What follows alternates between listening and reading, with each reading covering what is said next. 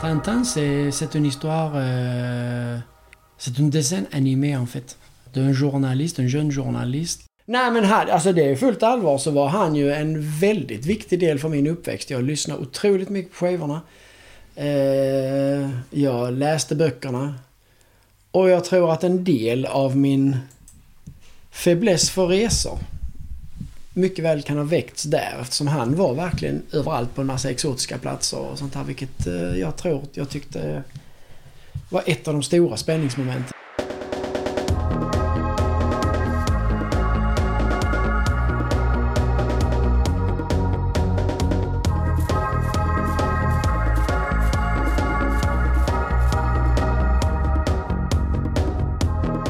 Jag tänkte vi skulle zooma in lite. Ehm, du har ju varit två vändor och arbetat i Afrika. Den eh, ena gången var Kongo och andra gången där du var två och ett halvt år var Mali. Mm. Eh, kan vi inte prata lite om vad du gjorde i Mali? Eller kan vi det? Ja, vi har ju redan berört det lite grann tror jag mm. i någon tidigare sådär. I, I Mali så jobbade jag som informationsanalytiker, det vill säga jag skulle analysera situationen bland eh, de olika beväpnade rebellgrupper som finns i Mali. Hur de förflyttar sig, hur de rekryterade, vad de hade för, på agendan, vad de, deras eh, olika operationer i områdena och sånt där, deras samröre med terroristerna eftersom de beväpnade grupperna och terroristgrupperna i Mali de flyter, ja även, även eh, regeringskorridorerna, allt det här det flyter ihop lite grann. Eh, så det, ja, det handlade om att samla, på, samla ihop så mycket information man kunde och sen gjorde jag analyser på strategisk nivå om man säger över en kanske en tre månaders period vad man kunde förvänta sig eh, för svängningar och, och vändningar i, i, i, den här extremt, extremt eh, komplicerade konflikten som, som Mali eh, plågas av. Mm. Ehm, det låter nästan som en militär roll. Ja, jag, jag jobbade på en, en så kallad eh, joint enhet. Där, där civil, polisiär och militär personal jobbade tillsammans. Sen finns det en rent polisiär enhet, en rent militär enhet. Men de jobbar mer på operativ nivå, mera, mer, alltså mera dag för dag. Att vad förväntar vi oss denna veckan? Mm. Eh, den här som jag var på som heter Joint Mission Analysis Center. Det var som sagt en vi samarbetade över de olika, eh, alltså mellan de olika inriktningarna och olika, eh, eh, vad ska man säga, parterna. Mm. Innan detta så hade du också en mer, vad kan man kalla det, operativ roll.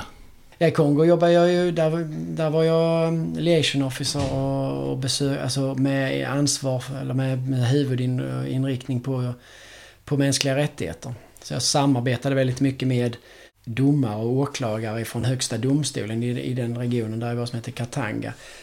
Och åkte ut och besökte fängelser och arrestenheter och sånt här för att se så att eh, mänskliga rättigheterna efterföljdes. Eh, och då får man ju vara medveten om att det är på en, på en väldigt basal nivå. Att den där var liksom...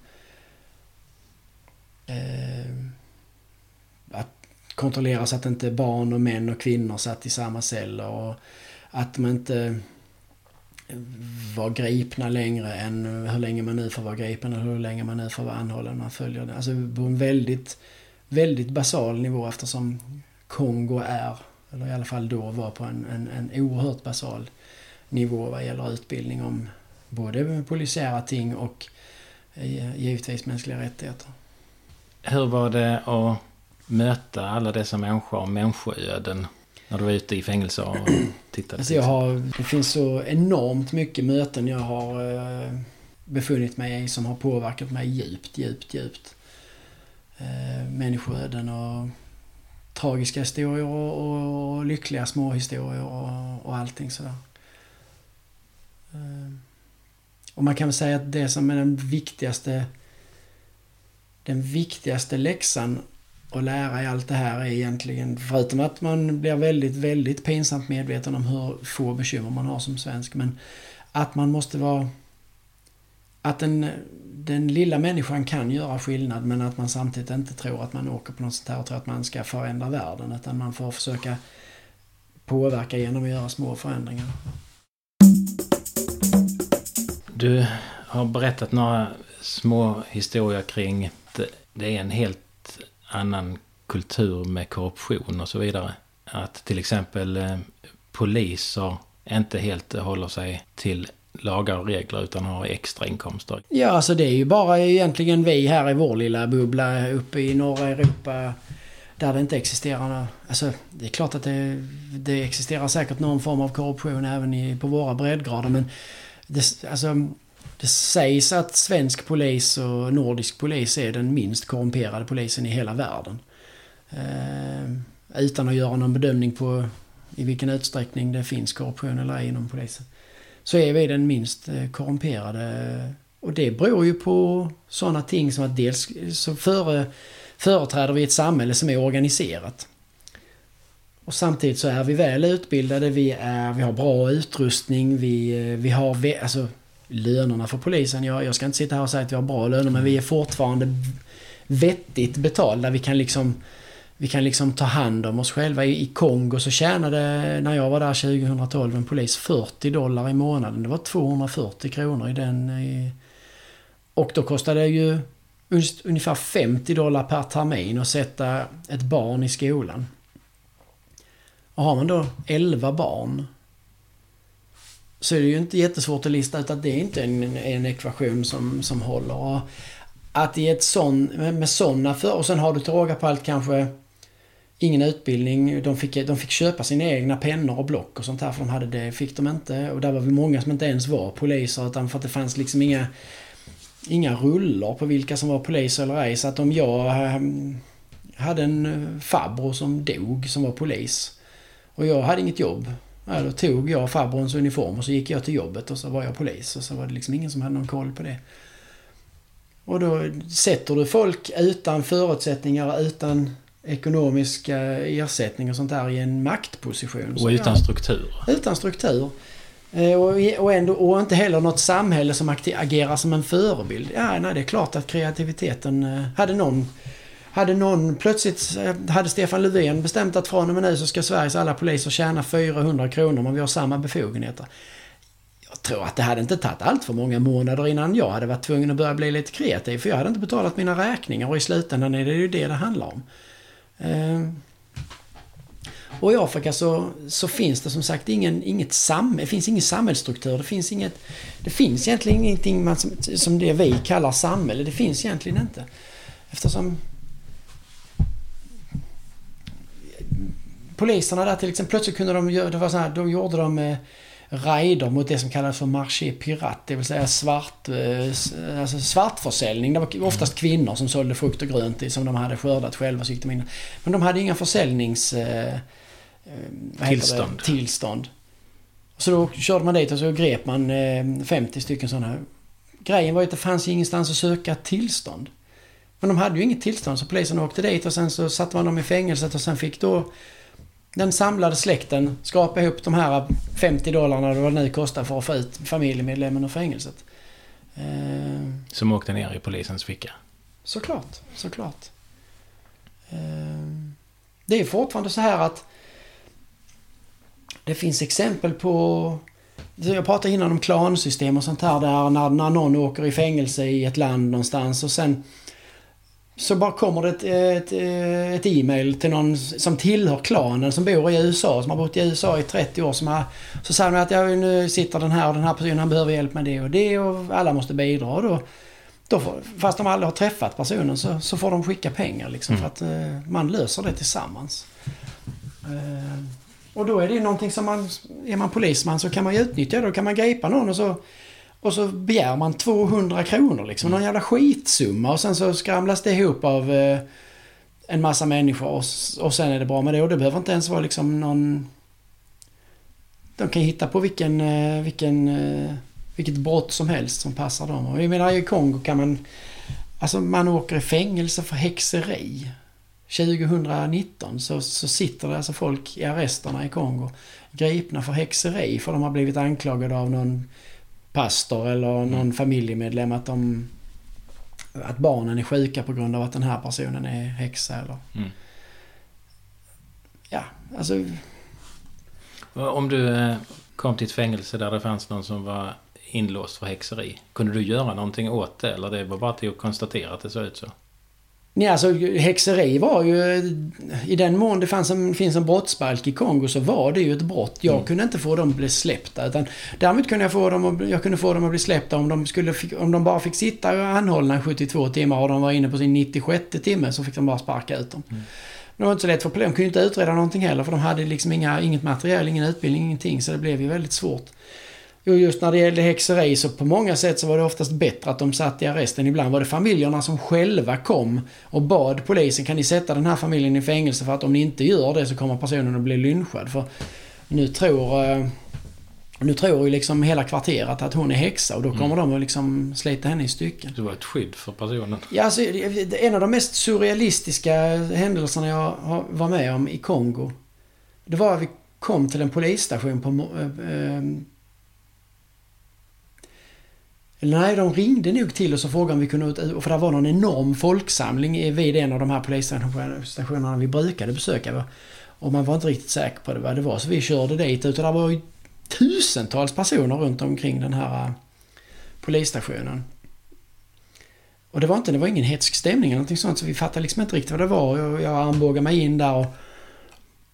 Och då var det så att då hade någon under natten gjort ett inbrott i, någon, i något av kvarteren där och sen så hade den här tjuven blivit förvandlad till gris.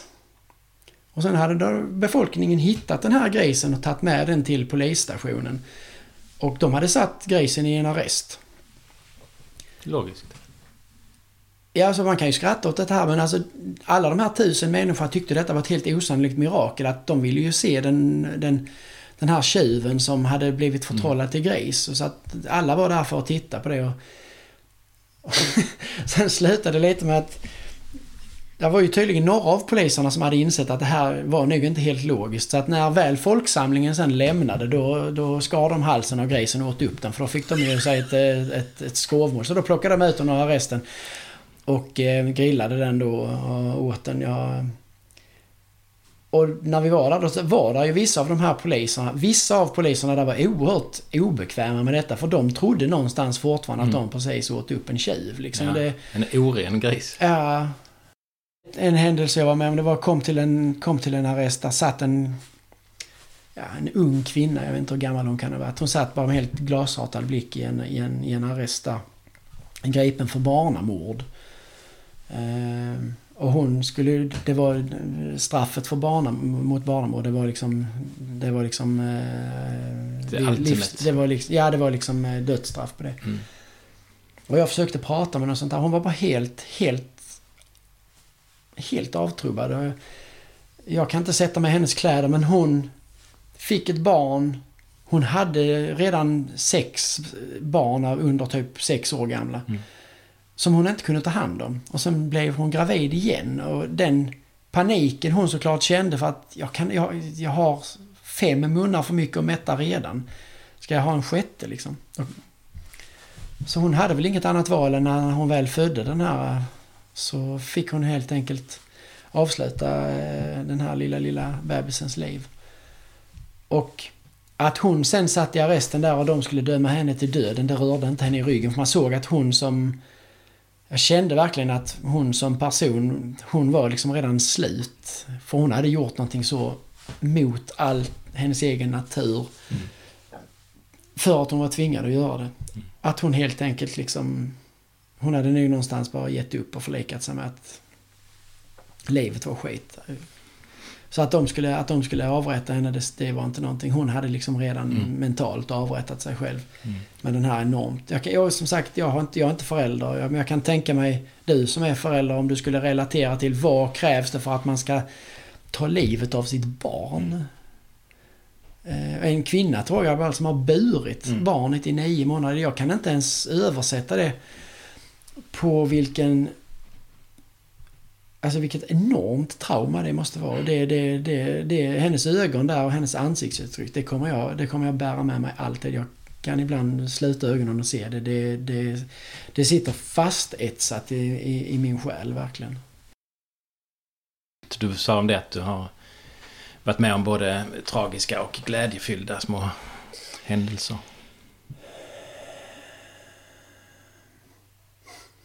Ja, det, det, finns ju många, det finns många sådana händelser också. Nu när jag var i Mali till exempel så eh, betalade jag skolavgiften till ganska många barn. Småpengar, det kostade liksom 700 kronor för ett år i skolan som vissa föräldrar helt enkelt inte... Det var helt otänkbart, Alltså 700 kronor, 700 kronor det... Jag vet inte, 700 kronor det köper vi varmkorv på för en månad liksom. Mm. Alltså, det är, det är så ofantligt små pengar för oss alltså. Mm. Eh, så jag, jag har nog betalat en 10-12 olika sådana skolavgifter till, till, till, små barn för att de skulle få gå i skolan. Istället för att bara skänka pengar sådär så kan man verkligen göra en sån sak. Och den enorma glädje och tacksamhet som man ser hos människor när, när, när man verkligen hjälper dem med någonting som är ett fullkomligt oöverstigligt hinder. Mm. För om det är någonting afrikanerna har lärt sig så är det att man måste gå i skolan. Alltså kosta vad det kosta vill så måste jag sätta mina barn i skolan. Annars är de för alltid körda. De är många av dem körda ändå. Men man är helt körd liksom om man inte går i skolan. Mm. Och samtidigt så skaffar de en massa barn. Eh, av flera olika skäl. Och det är ju en ekvation som inte, som inte går ihop. Och, det är bland annat eh, såklart eh, att familjen är viktig. Så då har man fler som möjligtvis kan försörja en. Ja, och fler som överlever eftersom det är en stor barnadödlighet. Ja. Sen är det ju också, finns ju ingen... Det är ju vinst varje gång. Det är som Hassans tivoli liksom. Det är ju vinst, vinst varje gång för att kvinnorna är i stort sett gravida från det att de är mm. 20 till de är 38. Ehm, för kunskapen på, på många håll om preventivmedel är ganska minimal. Mm. Och även om man känner till det så är det ingen familj som har råd att lägga liksom en krona på Nej. en kondom. Du pratar mycket om kärleken till Afrika och när man är, bor i Afrika får man ge avkall för bekvämlighet. Tänker mm. jag. Mm. Men det är kanske inte så viktigt för dig?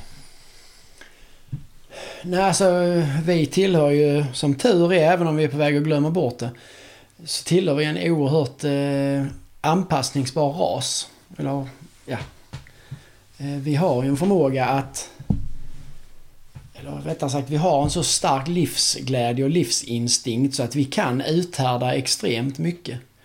Eh, och vi kan anpassa oss extremt mycket när vi liksom inte... När alternativen är uttömda så kan vi egentligen anpassa oss till vad som helst. Och när man åker till Afrika och ska bo där så är man medveten om att vissa saker inte kommer att liksom fungera som man är van vid.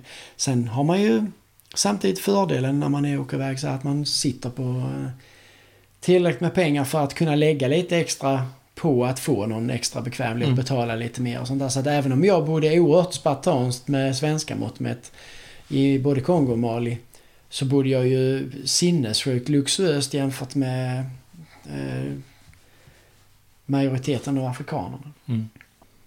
Och jag har ju ingen eh, stor sån här 80-tals Christer Sandlin-frisyr så att, att duscha kallt är ju inte något problem. Framförallt inte i Mali när det är 46 grader varmt. Nej, det hade varit skönt att ha kallvatten. Och det kanske inte blir så kallt heller.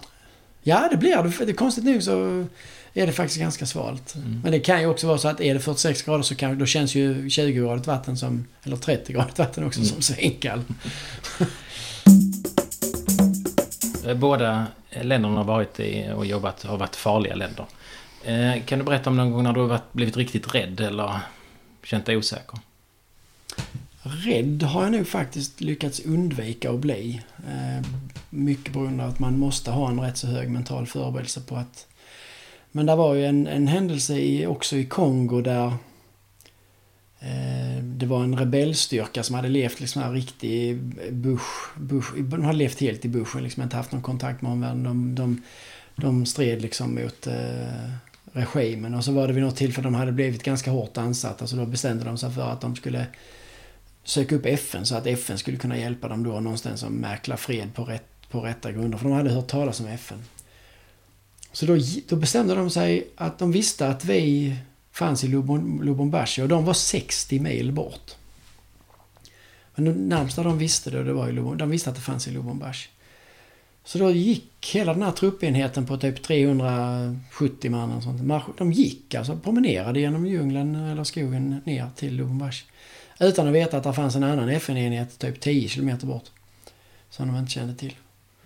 Och när de kom till Lubumbashi så hade de för det första var de typ 240 kvar. Så de hade ju tappat 130 man som hade dött längs med vägen. Och när de kom dit då så jublade folk i förorterna för de tyckte liksom wow nu kommer rebellerna och kastar ut regeringen. Så att de jublade och de här fick lite feeling så här och tyckte att oh det här var ju lite fräckt att komma hit här och bli sedd som befriare fast att de inte var där för att göra det. De hade liksom inga, inga, inga, inga, ingen ammunition, inga fungerande vapen och sånt. De var beväpnade med pilbågar, slangbällor och någon, någon granatgevär utan ammunition som någon stackare ändå hade burit hela i 60 mil. Och, en massa kulsprutor med ingen ammunition eller felaktig ammunition. Alltså det var ju totalt helt värdelöst liksom. Och när de kom dit så var det ändå någon som lyckades skjuta någon kula i luften och sådär liksom. För det de blev firade. Och just den här gången när de anlände så var Kongos president Kabila som kom från Lubumbashi. Han var där och bodde i Lubumbashi. Han var där ibland och bodde där på somrarna och sånt där. Tog en liten retreat. Han var där just då så hans republikanska garde var i Lubumbashi och kastade sig över de här och fastän att de inte anföll så de bara sköt ner dem på öppen gata i stort sett. Och jag var hemma på lunch när det plötsligt började skjutas som fan i stan. Precis utanför där vi såg hur, hur folk sprang på gatorna utanför och sådär. Och vi bestämde oss för att ja, vi måste köra till campen. Och då hade det varit så här att när alltså, eh, när republikanska gardet började skjuta på rebellerna så sprang alla rebellerna mot FN-kampen. Och utanför FN-kampen stod det typ fyra poliser eh, vid grinden där och när de såg 200 rebeller komma springande mot dem vilt skrikande så blev de jätterädda och sprang därifrån. Så med, med, med grindarna öppna.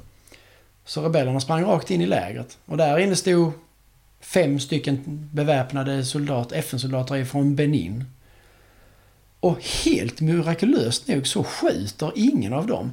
Så de här, alla de här 200 springer in på våran kamp och bara sätter sig ner direkt och liksom ger sig. Och sen slås ju portarna igen och så kommer regeringstrupperna utanför och liksom vill att de ska släppa ut dem för de vill döda alla.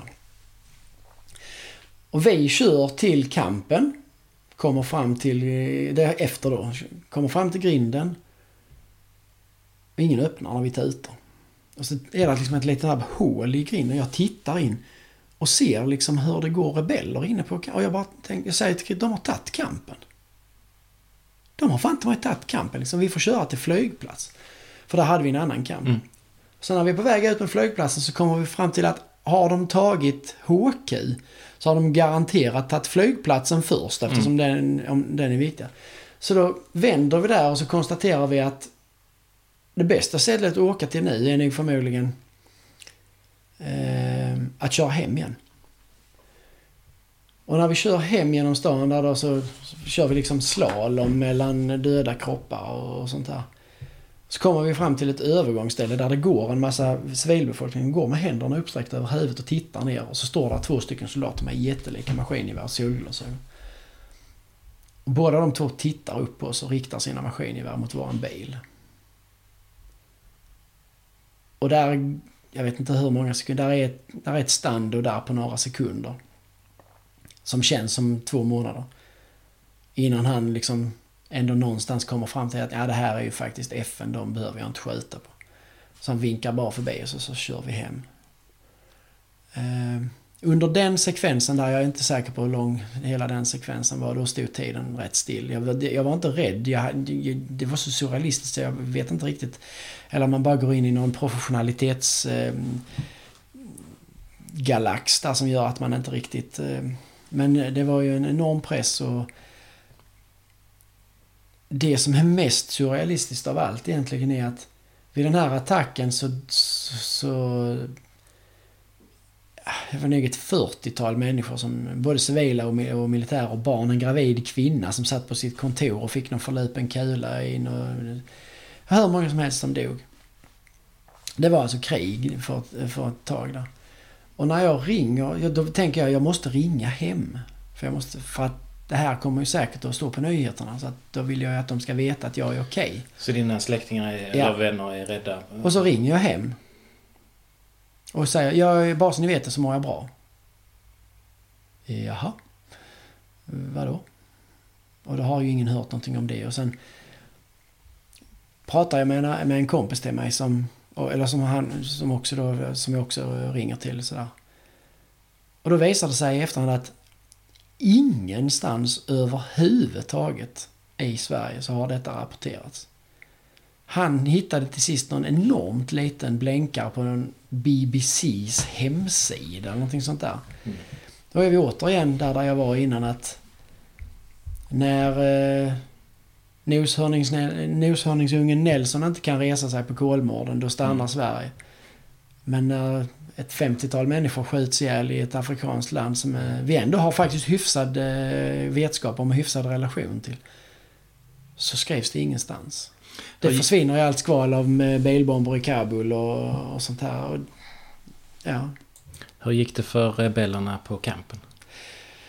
Eh, först så sorterade vi ut alla barnsoldaterna. Det var 42 stycken från, från 10 till 16 år gamla. Och sen så de som var skadade, svårt skadade, de lades på sjukhus och fick FN vakta dem.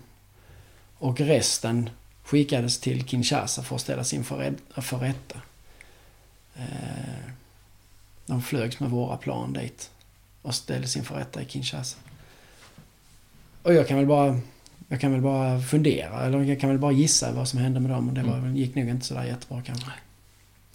De 42 barnsoldaterna, de lämnades i alla fall över till, eh, till FNs barnenhet och sattes i sån här avprogrammering och... Mm.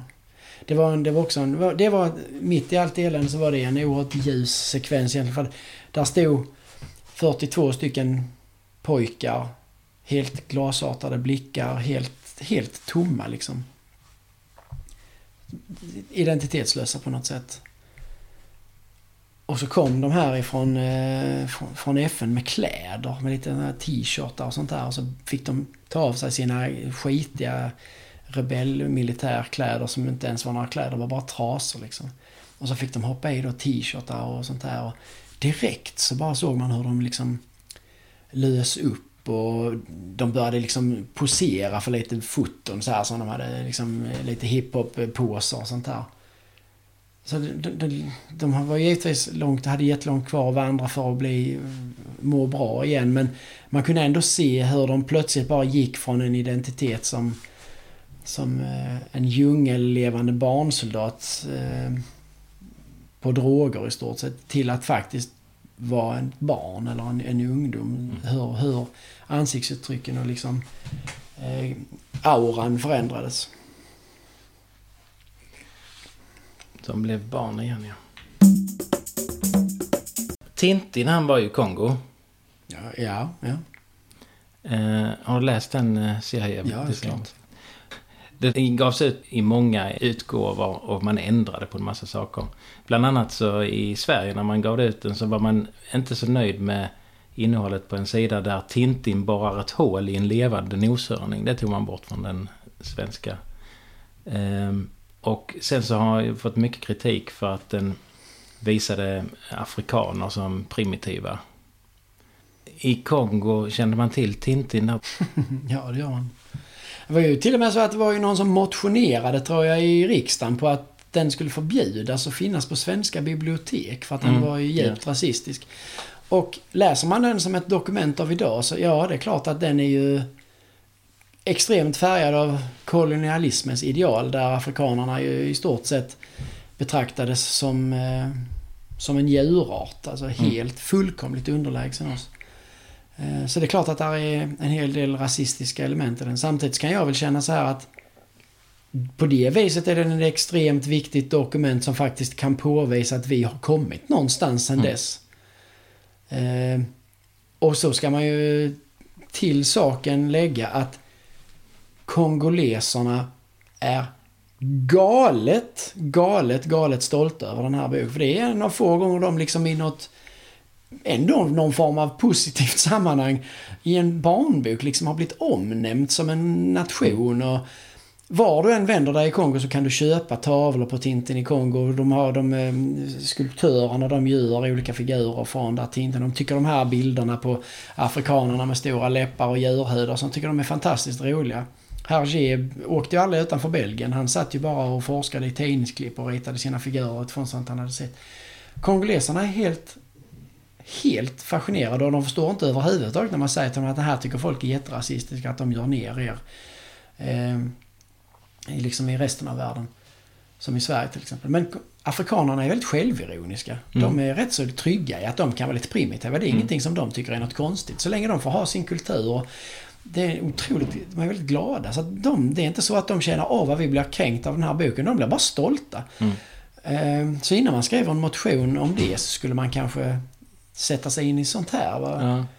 Det är verkligen och sen så. är det också så att det som är lite kul är att sen kan du resa runt i andra länder där andra länder då helt enkelt bara har plankat framsidan på Tintin i Kongo på tavlor och liknande. Och så är det då Tintin i Timbuktu eller Tintin i, ja. i Rwanda. Och sånt. Mm. Så att de andra länderna, de skulle jättegärna också vilja att den jävla mm. boken råkade vara skriven om deras land de har en enorm självdistans. Mm. Eh, och de är så vana vid att bli styvmoderligt behandlade av kolonisatörer, av de som har tagit över efter. Som många av de som, afrikaner som har tagit över styrena i afrikanska länder, de har bara fortsatt kolonialisera mm. fast för sin egen räkning. Ja. Så de har inga problem med det. Utan de, de ser bara snarare det som en, liksom en, en, ett skönlitterärt världsomspännande jättekänt verk. Mm som de är med i. Där deras historia och sånt här eh, liksom speglas. Och de flesta afrikaner i, i de här länderna skulle säkert kunna borra ett hål i, i, i hornet på en noshörning utan att tveka. Det, ja. Livet är mer förgängligt än så för dem liksom, på något ja. sätt. Det är inte bara att han borrar hål, han fyller den med dynamit och spränger skit. Ja, det är ju... det skulle de kanske också kunna göra. Men det är ju lite intressant att eh, vi i västvärlden då har haft en massa debatt om att vi vill skydda Kongo från att eh, visa den här eh, serietidningen med rasism. Och så är de stolta och har det på väggarna. Ja, det är ungefär som man skulle ge sig på att liksom Emil i Lönneberga, den främjar barnaga eller sånt. Mm. För han måste springa och gömma sig mm. i, i vedboden för annars får han stryk. Liksom. Ja, ja. Vem skulle ta upp det? Det är också ett historiskt dokument. Mm. Vi skulle inte jaga ut våra barn i vedboden 2019 men... Jag får göra dig besviken att den debatten finns också. ja, det kanske den finns. Ja. Men det, menar, det är, det, man måste göra skillnad på folk och folk och man måste göra skillnad på tid och tid. Vi har blivit bättre på grund av att vi har varit dåliga. Men det... Eh nu ska jag inte ta bort allt annat du är duktig på, men en av dina fördelar som eh, polis i eh, de delarna av Afrika du har varit är ju att du är väldigt duktig på franska. Mm. Varför är du duktig på franska? Ja, det är väl bara så att jag har råkat eh, bli välsignad med en, en god språkkänsla. Jag är ett matematiskt UFO till exempel. Jag är inte någon speciellt logisk person. Digitalt och matematiskt? Jag är digitalt lågbegåvad dessutom. Mm. Men språk har alltid satt sig ganska lätt på mig. Mm. Alltid haft ganska lätt för. Jag, jag valde franska på högstadiet för att... Av två anledningar. Dels att vi hade varit en gång i Frankrike med mina föräldrar och husvagnen. Och dels för att jag tror att jag vill inte vara som alla andra och liksom 90% valde ju tyska. Mm. Så jag ville välja franska. Jag tyckte det, det lät mer exotiskt. Och sen så... Ja, jag var väl en ganska god elev i franska och sen framförallt fortsatte vi resa till Frankrike under de åren jag gick i skolan. Så att jag gick och pluggade på, på sommar och, eller på höst och vår. Och sen åkte jag till Frankrike och fick lite praktik på mm. sommaren med vänner och sånt där. Mm. Eh, och sen satt mycket kvar. Mycket mer kvar än vad jag själv riktigt hade räknat med. För från att jag gick ut gymnasiet eh, så när som på ett par resor så har jag inte egentligen stött på någon franska förrän jag plötsligt eh, droppades ner i, i Kongo 2012. Och sen har jag varit ett år i Kongo och sen två och ett halvt år i Mali. Det är klart att franskan blir bättre. Ja, för det är franska i båda länderna. Som... Ja, ja. Eh, ja, men vi kan väl prova bara för så folk får höra om du verkligen kan franska. Eh, kan du inte berätta lite om Tintin och hans värld på franska? Tintin och hans värld. Ja, men vad handlar böckerna om och vilka huvudpersoner finns? Och... Mm. Tintin, c'est une histoire... Euh, c'est une dessin animé en fait. D'un journaliste, un jeune journaliste qui est, qui est aussi un grand... Euh, grand, un grand idéaliste, il aime des, des aventures euh, euh, il lutte contre les crimes partout au monde. Il a des amis, il a une, une, un, capitaine, un, capitaine naval tellement alcoolisé qui s'appelle Haddock. Il y a une, une, une c'est un scientiste, je pense. Et je ne connais pas son nom en français, mais en suédois, on lui appelle professeur calcul. Et il y a une dame qui chante l'opéra qui s'appelle Bianca Castafiore. Il y a les deux détectives complètement euh, fous qui s'appellent les frères Dupont et Dupont. Ils sont tellement bêtes. Ils sont des policiers, mais ils arrivent à rien faire vraiment, vraiment rien. Et donc, Tintin, il voyage partout au monde. Il a un bon sens de, de, de résoudre des mystères et, aussi des, crises. Et il a, beaucoup de courage. C'est une, une, personne tellement courageuse. Et il a aussi euh, un petit chien qui s'appelle Milou. C'est son vrai ami qui lui suit partout au monde. Ja, nej, vad bra. Det, man kan nästan förstå vad det är du säger på grund av eh, egennamnen där. Eh, men kalkyl visste du inte vad han hette på franska? Jag tror, jag undrar om inte han heter Tournesol. Mm. Jag det... tror det, vilket betyder eh, solros för övrigt. Jag undrar om inte det är så han heter. Det är bara några timmar kvar tills du ska flyga till... Istanbul. Mm. Och sen vidare till Afrika. Sen vidare till Afrika. Eh, finns det en risk att du kommer att bestämma dig att du ska bosätta dig på den kontinenten? Ja, det kan... Ja, till viss del finns det kanske det faktiskt. Inte någon överhängande risk, men det finns faktiskt en risk. Det är helt rätt. Jag har en liten eh, dröm om en eh, verksamhet där nere som jag hade tyckt varit kul att ha. Mm. Sen därifrån till att materialisera mm. sådana drömmar till uh, att verkligen bli det och överge allting som är tryggt och bra i Sverige mm. på en permanent basis. Ja, det är ju givetvis ett stort steg. Jag kommer att hälsa på dig en gång om året, inte mer. Nej. Ska vi säga det? Ja, det bra. Vilket land ska jag till? Det beror på var jag har bosatt mig. Men jag, meddelar dig i förväg så, att du, så du inte behöver inte chansa liksom på vilket land du ska åka till.